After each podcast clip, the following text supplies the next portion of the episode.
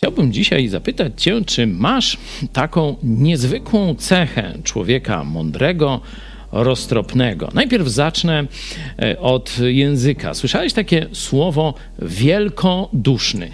albo wielkoduszność, nie? czyli to jest jakaś wyrastająca ponad przeciętność wielkość duszy, wielkość duchowa człowieka. Nie? I kiedy mówimy że ktoś jest wielki duchem, czyli wielkoduszny, to znaczy, że potrafi przebaczać, potrafi zapominać o urazach, czyli kto go tam kiedyś uraził, zapominać o jakichś krzywdach, szczególnie kiedy widać na horyzoncie jakieś większe rzeczy. Człowiek z kolei małostkowy, nie?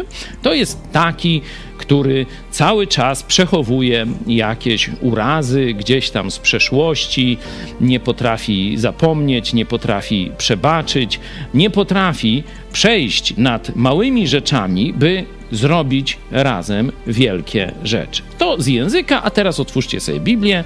Księga Przysłów w, w tłumaczeniu Brytyjki, 19 rozdział, werset 11. W cierpliwości zaznacza się roztropność człowieka, a chlubą jego jest, gdy zapomina o krzywdach. Biblia tysiąclecia jeszcze ładniej to pokazuje, a chwałą jego zapominanie uraz. Pomyślmy o tym w naszym życiu rodzinnym, e, chrześcijańskim, kościelnym, politycznym. Czy potrafimy Szczególnie chodzi o takie urazy, krzywdy osobiste. Nie zbrodnie, bo to trzeba sprawiedliwość ukarać i tak dalej, ale urazy, krzywdy osobiste. Czy potrafisz je wybaczyć? Czy potrafisz o nich zapomnieć?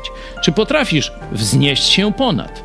To będzie świadczyło, czy masz wielkiego ducha, czy też małego.